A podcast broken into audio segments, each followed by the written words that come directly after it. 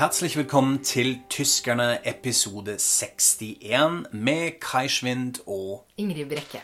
I dag skal vi snakke om tysk makt og EU-presidentskapet som har begynt eh, i juli. Og så skal vi snakke om en dårlig vits i Bergen og naziflagg på Sørlandet. Men før vi kommer til EU og det som foregår der, skal vi snakke om Tyskland og makt i et stort perspektiv. Veldig vanskelig forhold, dette med Tyskland og makt. Men du har lyst til å snakke om dette, Ingrid. Hvorfor det? Jo.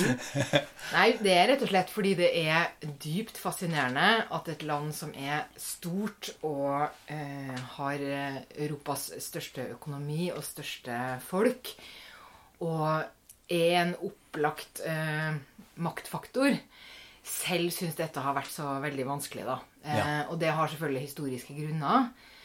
At eh, etter at eh, man hadde nesten klart å legge Europa i grus i én maktperiode, så eh, ble det bare fortrengt bort. Man skulle være noe helt annet. Og rollen Tyskland fikk i Europa, og litt kanskje også i hele verden, var jo det at man skulle få lov til å bygge seg opp igjen økonomisk og drive handel og sånn, dersom man spilte på lag eh, med de andre. Så sånn ble det i både Nato og i EU etter hvert. At eh, Tyskland eh, gjorde sine økonomiske ting, eh, bygde seg opp og klarte det kjempebra.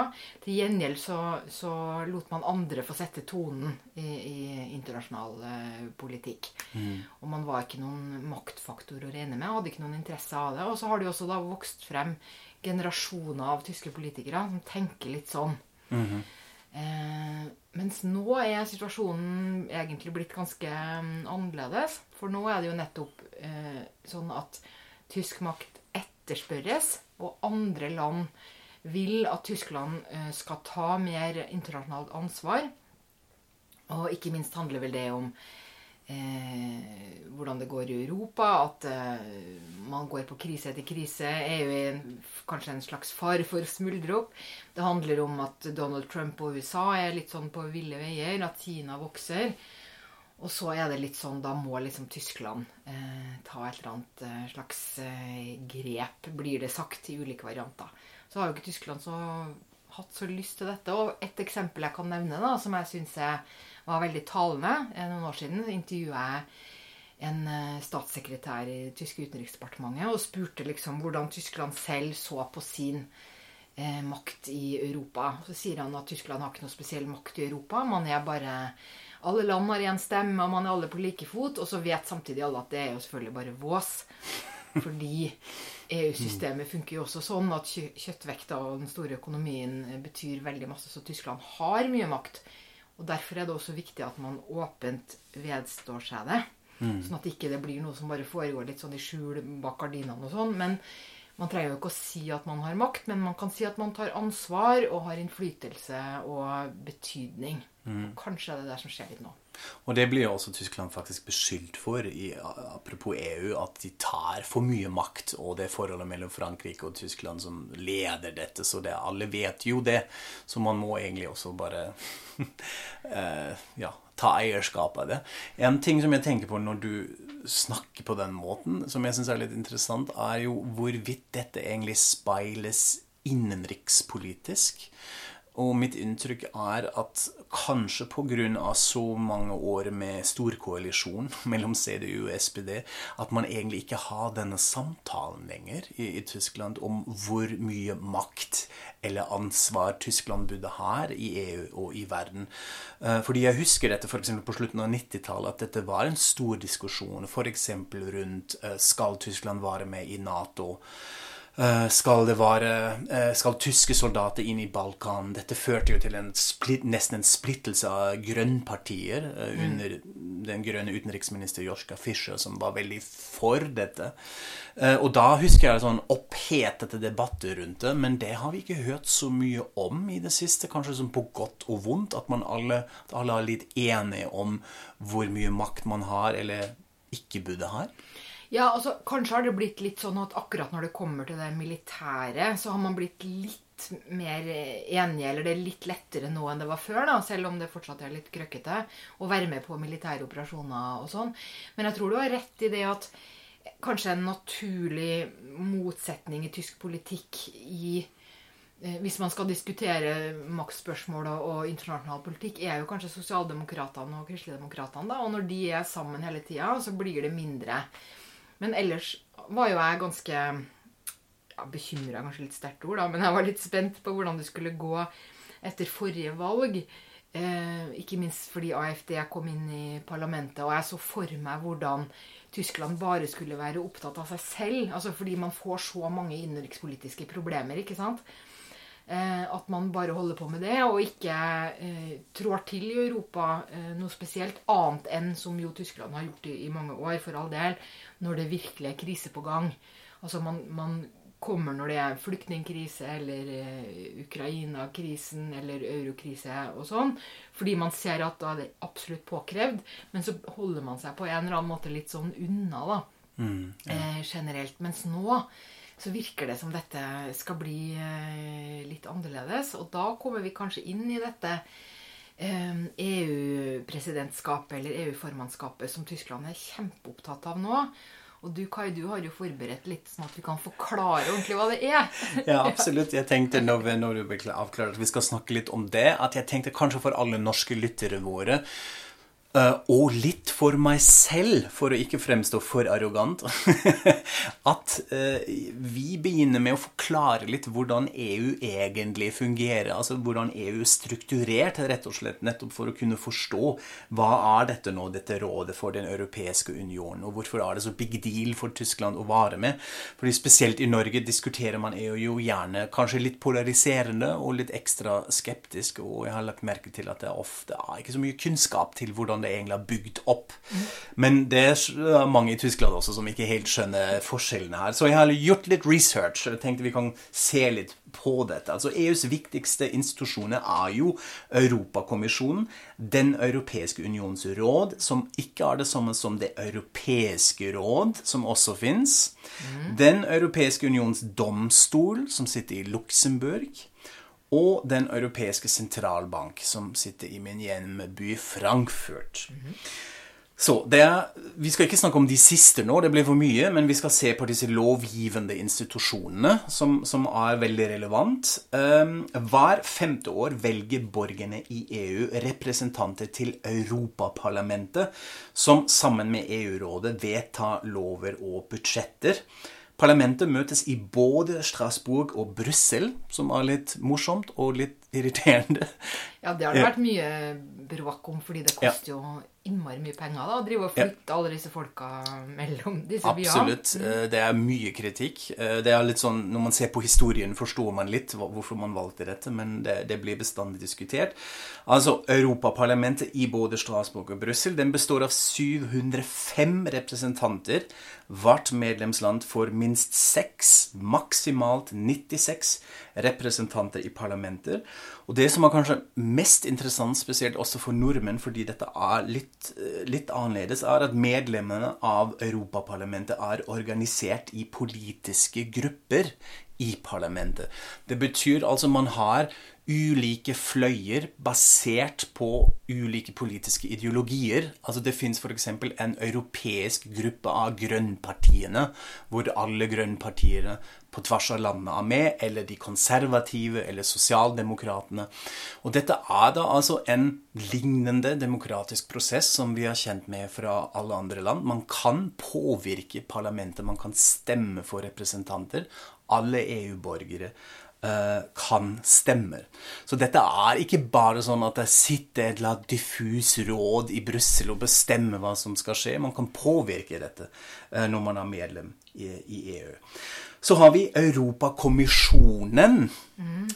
Den består av en kommissær for hvert medlemsland og ledes av én president. Og den presidenten, den aktuelle, har vi jo snakket om før, nemlig Ursula von der Leyen, eh, som ble valgt i en eh, litt kontrovers prosess i fjor. Og dette er en mektig posisjon fordi EU-kommisjonen har oppgaven av å fremme lovproposisjoner for EUs to lovgivende institusjoner, altså Europaparlamentet, som vi har snakket om, og Den europeiske unions råd. Men dette er litt sånn, altså før vi kommer til det siste rådet, da. Forholdet mellom eh, parlamentet og eh, der hvor Ursula von der Leyen Kommisjon. sitter og leder, kommisjonen, Ja. det er jo litt som storting og regjering. Ja, det er et lignende forhold. Altså, Ja. de fungerer, Kommisjonen fungerer som en slags uh, filter uh, hvor man blir enige om hva skal fremmes i de diskusjonene om det blir til lover eller, eller ikke. Men de har selvfølgelig også sin egen agenda. Altså, dette er når vi tenker f.eks. på den New Green Deal. Uh, som Ursula von der Leyen er veldig opptatt av. Dette diskuteres jo nå i kommisjonen før dette går videre til parlamentet og rådet. Så den som leder kommisjonen, uh, påvirker hva man er opptatt av i EU gans, ganske mye. Ja. Så er det nå endelig dette rådet for Den europeiske union, som det heter offisielt, som er altså sammen med parlamentet EUs lovgivende myndighet. Rådet består av 28 regjeringsministre. Altså statsministrene fra alle medlemslandene. Helt riktig. Én fra hvert av de 28 medlemsland. Og så er det altså nå dette med formannskapet som Tyskland eh, skal, eh, eller har tatt over fra 1. juli. Dette er litt interessant. Den rulleres nemlig hver sjette måned og går da fra land til land. Eh, Før var det Kroatia til 30. juni i år. Nå er det Tyskland. Og så etterpå er det, tror jeg, Portugal som skal ta over. Så alle kommer, tar seg en tur. Og det er viktig at det ikke bare er én person som styrer, men en hel regjering. Eh, Det er ikke altså Angela Merkel som bestemmer nå, men det er den tyske nåværende regjeringen. Og formannskapet er veldig viktig fordi den organiserer arbeidet i rådet. Altså den setter opp møter, den leder møter, eh, og skal sørge for at medlemmene kommer frem til gode resultater, som det heter Ja, i beskrivelsen, som jeg syns er litt fint. Kanskje litt eh, optimistisk. Eh, så det er ganske spennende. Altså da, selvfølgelig, den som har formannskapet, bestemmer jo også litt hva som kommer på agendaen. Det er ikke bare administrering, men det er også en del påvirkning. Hva skal fremmes, hva skal vi snakke om, hvordan snakker vi om, eh, og hvem denne personen er som leder dette møtet, spiller selvfølgelig eh, også en rolle. Så denne æren faller nå til eh, Tyskland, med Merkel i spissen. Hva ligger på bordet, da? Altså, det blir jo diskutert mye, som du sa. Hva er det som har uh, Jeg tenkte kanskje Staff. først jeg skulle være litt sånn nostalgisk og fortelle om den siste pressekonferansen, eh, den siste live pressekonferansen jeg var på før koronaen. Ja. For det handla nemlig om det tyske uh, formannskapet. Og det var da i regi av uh, næringsminister Altmaier i Berlin, i departementet. Eh, For da er det jo akkurat som du sier, ikke sant, at da har hver eneste minister i regjeringa har da en plan for hvordan de skal bruke EU-formannskapet på sitt felt. mhm, mange meninger. Mange meninger, ja. Og han hadde da nettopp vært på reise i, i Baltikum, og så skulle han fortsette da å reise rundt og legge fram denne tyske agendaen, som handla om ting som eh, eh, kunstig teknologi, om eh, Hva var det for noe? Eh, Bi, eh, nei, kunstig intelligens og bioteknologi. Eh, om konkurranseregler og industristrategi eller noe. Sånn som jeg husker det. Eh, og sikkert mer også, da. Og en del om forholdet til, til Kina.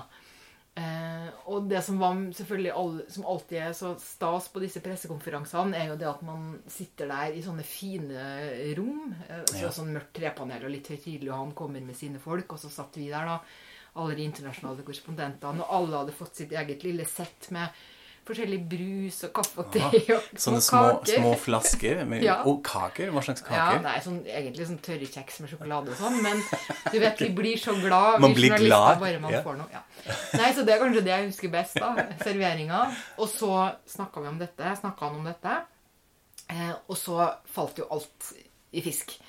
Eh, fordi etter koronaen kom, så har jo hele planen for hva man skal gjøre med dette eh, Altså, jeg- går ut ifra at det surrer litt i, i bakgrunnen, og særlig dette spørsmålet om Kina, det er jo, og dermed også kanskje også kunstig intelligens, f.eks., er jo oppe.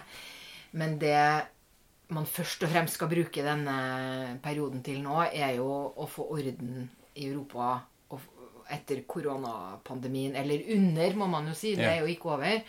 Men med disse tiltakspakkene og, og Ja. sånne ting. Og da har man jo hatt litt ulike forslag. Dette er jo også litt interessant å se. Apropos Tyskland og makt. Det er jo først og fremst Merkel og Macron som har nå blitt enige om en sånn mulig tilnærming til det. En sånn stor pakke som eh, skal ikke være lån, men som skal bare utbetales til de ulike medlemsland. Sånn, som en sånn engangsbetaling. Mens en annen gruppe, tror det var Nederland og Sverige og noen sånne små land som var uenige, som mente at dette burde være lån. Så dette er jo nå noe spennende. Får de nå flertall for sitt forslag, og kan kanskje Tyskland påvirke dette pga. det formannskapet? Det er sånne ting som er egentlig litt mm. interessant å tror jeg vi har snakka litt om i en tidligere episode. fordi at eh, det er jo mange som tolker nettopp det at Tyskland ville bli med på denne pakka, som litt det derre Nå tar man faktisk større ansvar enn før. Det begynner en slags ny epoke i Europa. Hvor Tyskland er mer med hele tida og er villig til å på en måte gå all in, da, eller hva man skal kalle det. Mm. Man ser hva det fører til. Da. Det, først må jo alle de andre alle landene være enige i Ja. denne pakka før det skjer noe som helst. Men eh, Mm. de holder nå på med saken. Ja. Så er det jo det som du var litt inn på, eh, forholdet til Kina, f.eks. Hvordan tar man dette opp? Jeg leste nylig, eh, som jeg syns var ganske interessant, at USA hadde nå begynt med et sånt initiativ om å uh, ha arbeidsgrupper sammen med EU hvor de skal snakke om Kina. Hvor man altså skal begynne en ny dialog mellom USA og EU om Kina. Okay. Og dette er jo litt sånn proaktiv forsøk. Eh, Vi har jo ikke hørt så mye proaktiv fra USA i det siste, så jeg syns ok, dette er jo egentlig vanlig. Det er ikke så spesielt at man har en dialog, men etter Kina har jo begynt nå å påvirke også ulike medlemsland i EU, i EU med ulike typer deals, så er det jo kanskje selvfølgelig i interesse av USA at man prøver å få EU på sin side igjen, fordi forholdet har jo vært ganske dårlig. Samtidig som EU må navigere nå hvor de, hvordan de håndterer Kina og den litt sneaky, litt aggressive uh, politikken. Ja. Det blir de sikkert eh, opptatt av. Og så er det selvfølgelig brexit som skal eh, fullføres, da. Så de har jo nok å. Og dessuten så skal, det, så skal de jo lage budsjett for neste periode. Ja. Det er jo også en kjempesak som er enormt vanskelig. ikke sant? Og hvordan skal de få eh, alle til å gå med på de samme premissene? Fordi, fordi eh, etter brexit så blir det jo mindre penger å dele. Tyskland kommer til å betale inn ganske mye mer. Eh, men hva skal man gjøre med Polen og Ungarn og øst? Eh, skal man sette rettsstatsprinsipper som et kriterium for å få mer eh, eh, jordbrukssubsidier? Sånne ting diskuterer man jo, da. Så de har nok å, nok å holde på med. Det er jo noe som muligens spiller litt inn i Merkels talent til å håndtere konflikter og kriser, som hun, vært hyllet for dette av ulike statsledere verden rundt. Men tror du at, at dette, er det en sånn arena hvor hun på en måte nå finpusser sitt erv, eller er, det, er hun ikke så opptatt av det? Altså, Merkel er jo på en måte ikke typen til å være så opptatt av sånn personlig prestisje og sånn, men hun er jo også et menneske. Og eh, jeg pleier alltid å si at uh, å gjette hva som foregår inni hodet på Merkel, det er bare forgjeves. Men det ville jo være rart hvis hun ikke skulle bry seg om hvordan hun blir huska. Eh, og det å kunne avslutte en politisk karriere med eh, å ha gjort noe som blir stående i historien, eh, det vil jeg jo tro betyr noe også for henne. Ja. Og eh, det å lede eh, EU gjennom denne koronakrisen og hindre Europa i å falle fra hverandre nok en gang og alt dette, det er klart det at man er interessert i det. Men, men det betyr ikke noe for hun altså jeg, jeg tror at Man kommer ikke til å se at hun skal liksom finne på noe sprell for å bli stående i historien. Det er tvert, tvert imot så tror jeg det er bare være sånn som Tyskland er. Helt forutsigbart, helt stabilt. En kjempelett makt å forholde seg til for alle andre, for man vet hvor man har Tyskland, da. Så Sånn tror jeg det kommer til å, å, Ja. å gå. Og de store visjonene skulle jo egentlig Macron utvikle, de store europeiske visjonene, men det blir ikke så mye av av det der, så er han jo ganske svekket også i Frankrike nå, så det blir spennende å se og følge med Tyskland som med presidentforskapet, eller presidentskapet i EU-rådet fra 1. juli, det skal vi følge med. Tja, mens dette altså foregår, den store europeiske politikken, så er det helt andre debatter her til lands i lille Norge. eh, Men det som var litt interessant, at dette trekkes noen linjer til Tyskland, tysk kultur, kultur tysk uh, historie. Så vi tenkte vi kan, eller burde, snakke litt om det, fordi Ja. vi var også begge ganske opptatt av det. Det er for det meste to saker. En sak i Bergen, en på Sørlandet. Skal vi begynne med Bergen, da? Hva Ja. var det som skjedde?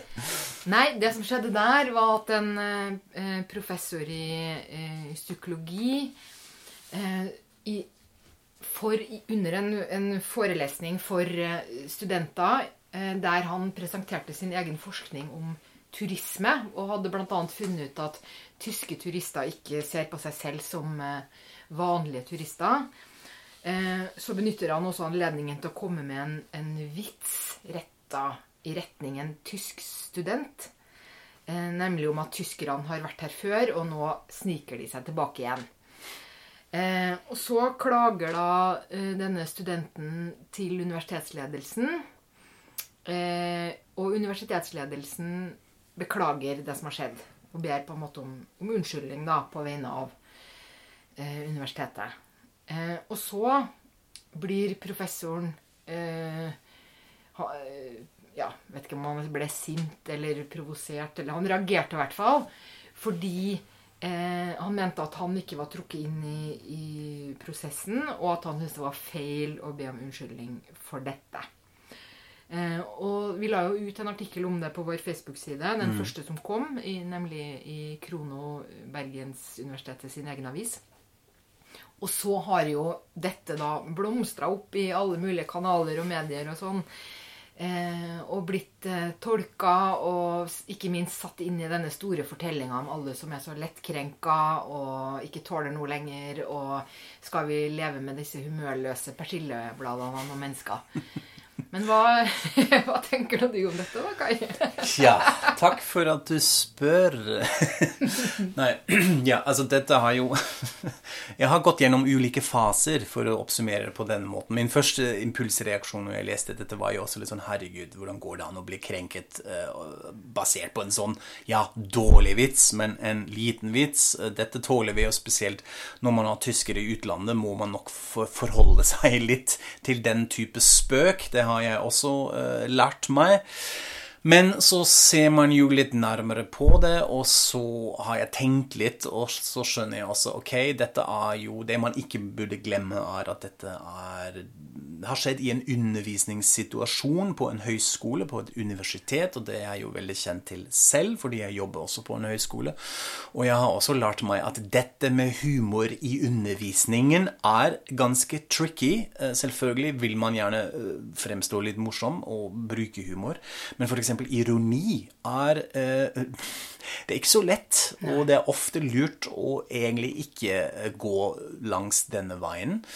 Um, så, så jeg begynte å få litt sånn litt sympati med, med studenten. At man kunne skjønne det. At fordi det er rett og slett også et slags maktforhold der som man, eh, som man må ta med i, i vurderingen. Det er en professor, en, en gammel professor, som mansplainer fra pulten, eh, og så er det en vits, og det, det, det kan jo føles litt ubehagelig. Så har det en ny dimensjon til det, nemlig håndteringen av saken, som jeg også syns var litt interessant å lese litt mer om. Og da syns jeg jo også ok at kanskje universitetsledelsen, eller fakultetsledelsen var det jo også, eh, kunne ha nedskalert dette litt. Altså hva med å få de to sammen ved et bord og løse dette mellom de to involverte, før dette altså eskalerer oppover og da også utenfor, komme opp i media, og dette må jo være voldsomt press, altså både for professoren, men også for studentene. Det må jo være veldig ubehagelig. Så tenker jeg eh, også jeg, når jeg leste litt mellom linjene, og ting jeg fikk med meg, var at muligens er det også en historikk her eh, rundt professoren og tidlige uttalelser og hendelser som man reagerer på, og nå bruker denne mm, enkelhendelsen for å henge dette Ja, litt dette opp. er bare en flik av en eh, større historie, Ja. og handler om noe mye mer som ikke vi egentlig vet noe særlig om. Nei, det var inntrykket jeg fikk. Men så er det jo interessant å se hva dette uh, satt i gang, og det var jo også interessant. altså Debatter som du, har- som du har vært inne på på alle kanaler, men også kronikker som blir skrevet rundt dette. Og min favoritt var kanskje en kronikk som hadde tittelen 'Vi må snakke om Tyskland'. Så tenkte jeg Ja, må vi det? det må vi. Det liker vi vi her. Det gjør vi hele tida. Let's talk about Tyskland. Eh, men så var det jo interessant å se. Ok, da gikk man jo litt løs på dette forholdet med, eh, mellom hvordan fremstår tyskerne i utlandet. Kan man tulle med dette? Har man kanskje også en forståelse for at det er litt teit at man ble tullet med? Som tysker er det litt sånn eh, som det ble skrevet om Faulty Towers. uh, Don't mention the war, ha-ha. Og så ler vi litt av det. og sånn. Men dette er jo noe som vi tyskere i utlandet lever med, og jeg, jeg husker dette jo fra min første språkutveksling eh, i England, helt til min tid i Australia, hvor jeg studerte i over et år, at dette spesielt i en sånn engelskspråklig anglofon kontekst kan iblant bli en ganske voldsom uh, måte å tulle med. At man må forberede seg, at man får litt uh, pepper da. Og ja, når, vi, når jeg var 14 år gammel og kommer på en skole i Bath eh, i, i England, noe av det første som skjer, at vi blir møtt av noen ungdommer som gjør nazihilsen til oss. Og vi var jo helt satt ut og visste ikke hva vi skulle si og sånn. Og da var det selvfølgelig ikke morsomt, og vi hadde ikke noe kult uh, å komme tilbake med heller. Altså den si noe gøy tilbake. Hva skal man si? Dette er jo bare teit. Men jeg har jo i løpet av de årene lært meg å håndtere dette, og ofte tuller jeg jo med det selv. Ja, jeg husker jo godt eh, da vi møttes eh, første gangen, og jeg skulle intervjue deg om eh, hum internasjonal humor, eller tysk humor, eller hva det var. Ja. Og etter vi hadde bestilt kaffe og sagt to setninger, så sier du ja, du, vi bare tar det der med krigen med en gang, og bestefaren min var i Wehrmacht og sånn. Jeg syntes jo det var kjempegøy. Ja. Men det sier jo også noe om eh, sikkert at du har sett det nødvendig å utvikle en litt offensiv strategi, da. Ja, ja, jeg har jo valgt det, i hvert fall. Ja. eh, Men det har også med min måte å gjøre Altså hvordan jeg bruker humor generelt, selvfølgelig. Det er ikke bare det, men det har ofte vært eh, litt en sånn icebreaker. Samtidig har jeg jo opplevd det selv, at det blir litt slitsomt at man på en måte alltid representerer dette. Det er nazi-jokes hele veien, og de er ikke sånn ond ment, men iblant kan man bli litt sliten av dette. Ja. At man tenker liksom Må det alltid være det her? Ja. Jeg skjønner, jo, jeg skjønner det kjempegodt, og jeg tenker også at eh, nettopp når jeg har vært så mye i Tyskland og bli, blitt så imponert over hvordan man Eller dere, skal jeg kanskje si, da, selv har, har forholdt dere til krigen og, og alt som har skjedd. Og ikke minst hvordan den, disse yngre generasjonene er. Så er det jo komplett urimelig eh, å komme til utlandet og bli møtt med sånne vitser. Men jeg vil jo også si at det hører med at Norge har vært et okkupert land. Tyskland okkuperte oss. Og vi er jo ikke helt ferdig med det. Sånn at det er ikke det samme for nordmenn å vitse med tyskere som om det var polakker eller italienere eller noe. Så jeg tenker at man må nok også bare leve med dette eh, på, på et visst plan. Og så får man jo håpe at vitsene er litt bedre da, enn eksempelet fra, fra Bergen. Men jeg kan jo fortelle om min egen eh, opplevelse som ikke egentlig er sånn humorting, men som er mer eh, at jeg ble overraska over meg selv og at jeg reagerte. Som sier litt om kanskje hvor dypt det her forholdet mellom Norge og Tyskland stikker. Og det var altså eh, 9. april for noen år siden. Så var jeg på en samling med norske og tyske journalister hos en eh, tysk eh, diplomat eh, i Oslo. Ehm, og 9. april er jo da, eh, som jeg vil tro de som hører på vet, dagen da eh, Tyskland invaderte Norge. Og så blir det bare ikke sagt noe. Man spiser fin middag og skåler og holder taler og sånn, men det blir ikke sagt noe om hvilken dag det er. Og jeg syns det var rart, og diskuterte det litt med en eh, norsk kollega som også kanskje syntes det var litt rart. Og så gikk jeg da til den tyske ansvarlige, som bor i Tyskland og, og ikke kan noe spesielt om, om, Norge, og fortalte det. Og sa at du, i dag er det altså denne dagen, og ingen har sagt noe, og øh, det er jo merkelig. Og så sier han ja, men du vet vi tyskere har okkupert så mange land, så vi klarer ikke å holde orden på dette. Og så lo jeg, men jeg syns jo ikke det var så veldig artig. Mm. Og eh, det var også dette litt sånn Altså, Hadde dette vært i dag, så hadde jeg jo klart å deale med det selv. Jeg hadde bare reist meg og sagt at vi må ta en skål for eh, at i dag er alt annerledes. Og ja. se, her sitter vi sammen på denne dagen, og det skal vi være så glade for. Mm. Skål. Ferdig. Trenger ja. ikke gjøre noe mer. Ja. Men jeg syns også det var rart at jeg selv eh, Jeg tenker på meg selv som at jeg ikke har noe sånn spesielt verken nasjonalfølelse eller noe. Men det syns jeg var eh, litt vanskelig. Og jeg tror det bare er et sånt tegn på at det er noe her. Absolutt. Ja. Det er veldig interessant, fordi når jeg hører på den historien, så kommer jeg på en egen mm. historie som, som kanskje eh, viser litt sånn den andre siden av medaljen av, av dette.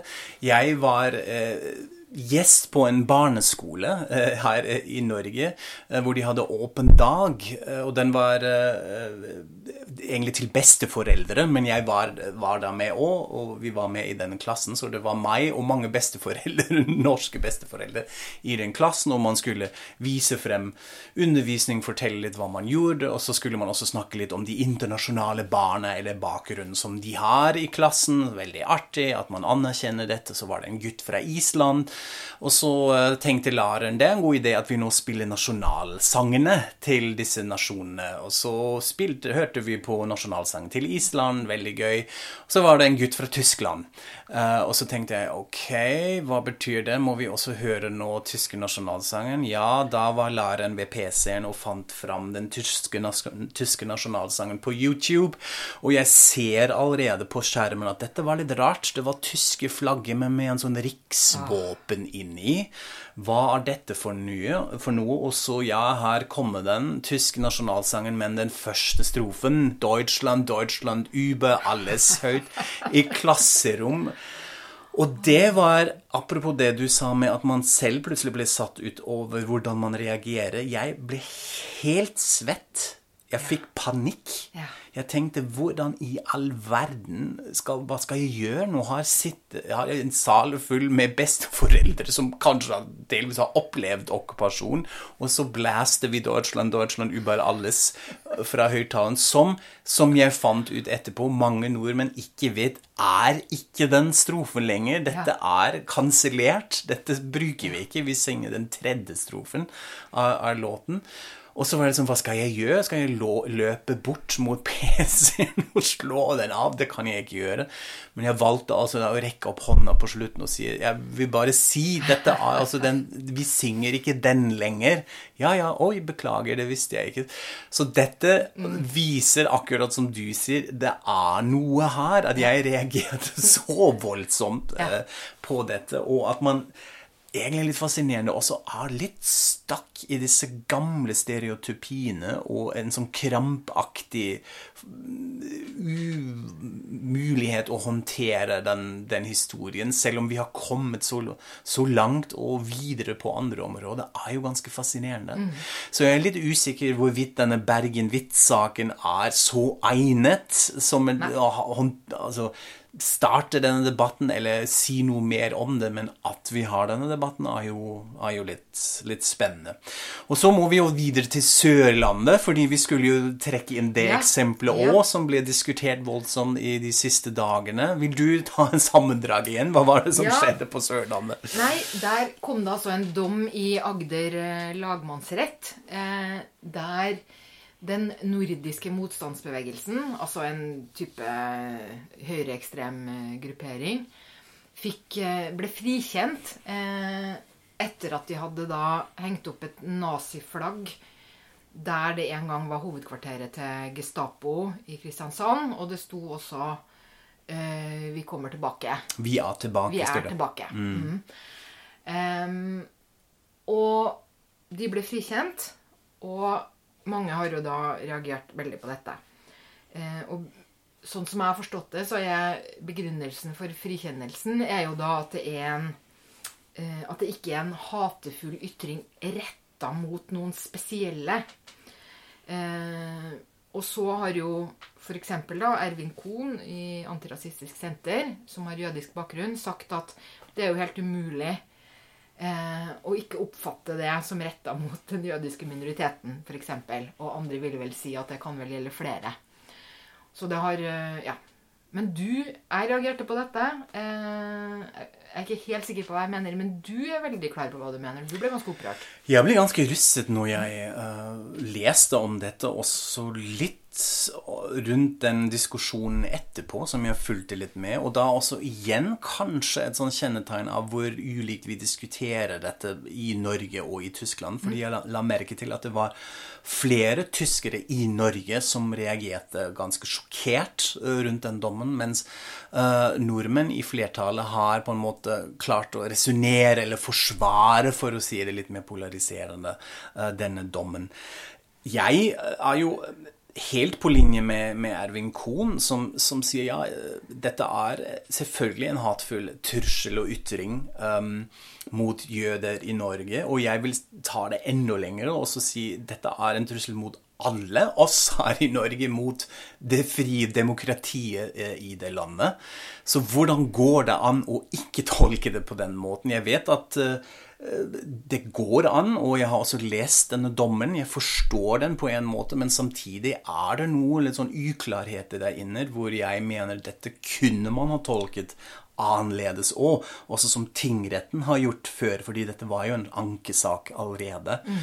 Um, så her er det en bevisst eh, fremgangsmåte som um, jeg reagerer på, og så selvfølgelig av det den tyske konteksten, altså det vi er veldig preget av i Tyskland, at det er forbudt med hakkekors som en sånn uh, i, i, i en offentlig ikonografi, at man skal bruke det i offentligheten.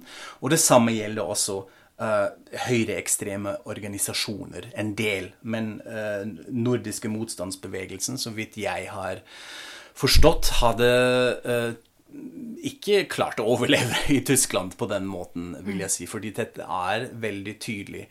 Så er det der det ligger litt. Um, jeg mener jo at rundt denne debatten at det går an å nyansere litt uh, i det litt større etiske dilemmaet som dette peker til, nemlig hvor mye ytre ytringsfrihet tillater vi? Tillater vi ytringsfrihet også til grupper som vil avskaffe det samfunnet som den er, og demokratier? Og da mener jeg at Tyskland eh, har kanskje en litt mer vanntett lovgivning med å rett og slett utelukke denne biten, selvfølgelig basert på vår historie. Uh, hvor jeg vil kanskje si at man er litt naiv i Norge kanskje ha iblant en sånn selvgodhet uh, rundt dette der. Og dette har ikke bare meg som påpeker dette. Jeg har lest uttalelser fra FN som har kritisert Norge rundt dette, at man er litt for slack. Andre land har tatt det opp. Finland har gjort det nylig. Uh, Sverige. Så jeg håper jo at man diskuterer det litt mer sånn metaetisk rundt dette, og ikke bare henge seg opp i den jussen, men se litt på om vi burde kanskje ta dette en litt mer politisk motivert debatt rundt dette. Men jeg, jeg skal ikke mene så mye, jeg kjenner jeg, men, men eh, jeg syns det er jo påfallende at landet som ble okkupert, har høyere toleranse for hakekors enn en ja. landet som gjorde det. Det sier jo noe om, om hvor dypt og, og, ordentlig Tyskland har holdt på med dette. da. Mm. Men jeg syns jo også det er et slags argument at når man ser på det høyreekstreme spekteret i Norge og i Tyskland, og sammenligner i dag, så fins det jo ikke veldig mange høyreekstremister i Norge. Og dette er jo ikke noe, noe som skjer spesielt ofte. Mens i Tyskland så har man jo en veldig livskraftig og farlig høyreekstrem eh, side. Sånn at det hører jo også med til når man skal diskutere dette, hvor, hvor effektiv strategi eh, er det egentlig hvis, det, hvis situasjonen tross På tross av at det er sånn den er i dag, da. Ja. Bare for å ha nevnt det. Det er eh, helt ok å påpeke. Det er sånn kvant kvantiteten er kanskje ikke på min side. Kanskje kunne man si imot hvis man ser på de største traumatiske hendelser i den nye eh, norske historien, så er dette jo Kommer det fra høyreekstreme sider. Dette er 22. juli og Manshaus og sånn. Så det, da bobler det under overflaten, selv om det er kanskje eh, ikke på samme størrelsen som, som hjemme. Så jeg håper at vi fortsetter å snakke om dette. Det er egentlig det som jeg står igjen med. Jeg har roet meg litt ned, selv om jeg skjønner at det Nei, men jeg litt syns ikke vi skal roe deg her, fordi men dette er Det er jo veldig spennende å prate, eh, prate om, men jeg syns det er også veldig interessant å følge den debatten, eh, på godt og vondt. Eh, Så vi, vi får se hvordan den fortsetter. Pust! Nå avslutter vi snart, men først skal vi på ordspalten. Den må vi jo ha med. Ja.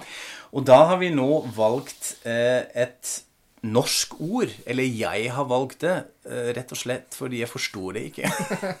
jeg, jeg kan jo norsk. Og ofte klarer jeg også litt sånn fra konteksten, hvis jeg møter et ord som jeg ikke helt sånn skjønner, så klarer jeg jo litt sånn sortere det inn. Men dette her skjønte jeg ikke i det hele tatt. Okay. Spenning, trommelvirvel. Ordet av dusør. Aha. Du sør. Aldri hørt før, vet ikke, visste ikke hva det betydde, så jeg måtte jo slå opp og eh, også da nå spørre deg. Dette er altså belønning. At man f.eks. når man tipser i en sånn krimsak Fordi jeg tror jeg hørte det i forbindelse med den Elisabeth Hagen-kidnappingen eller eh, Ja. saken.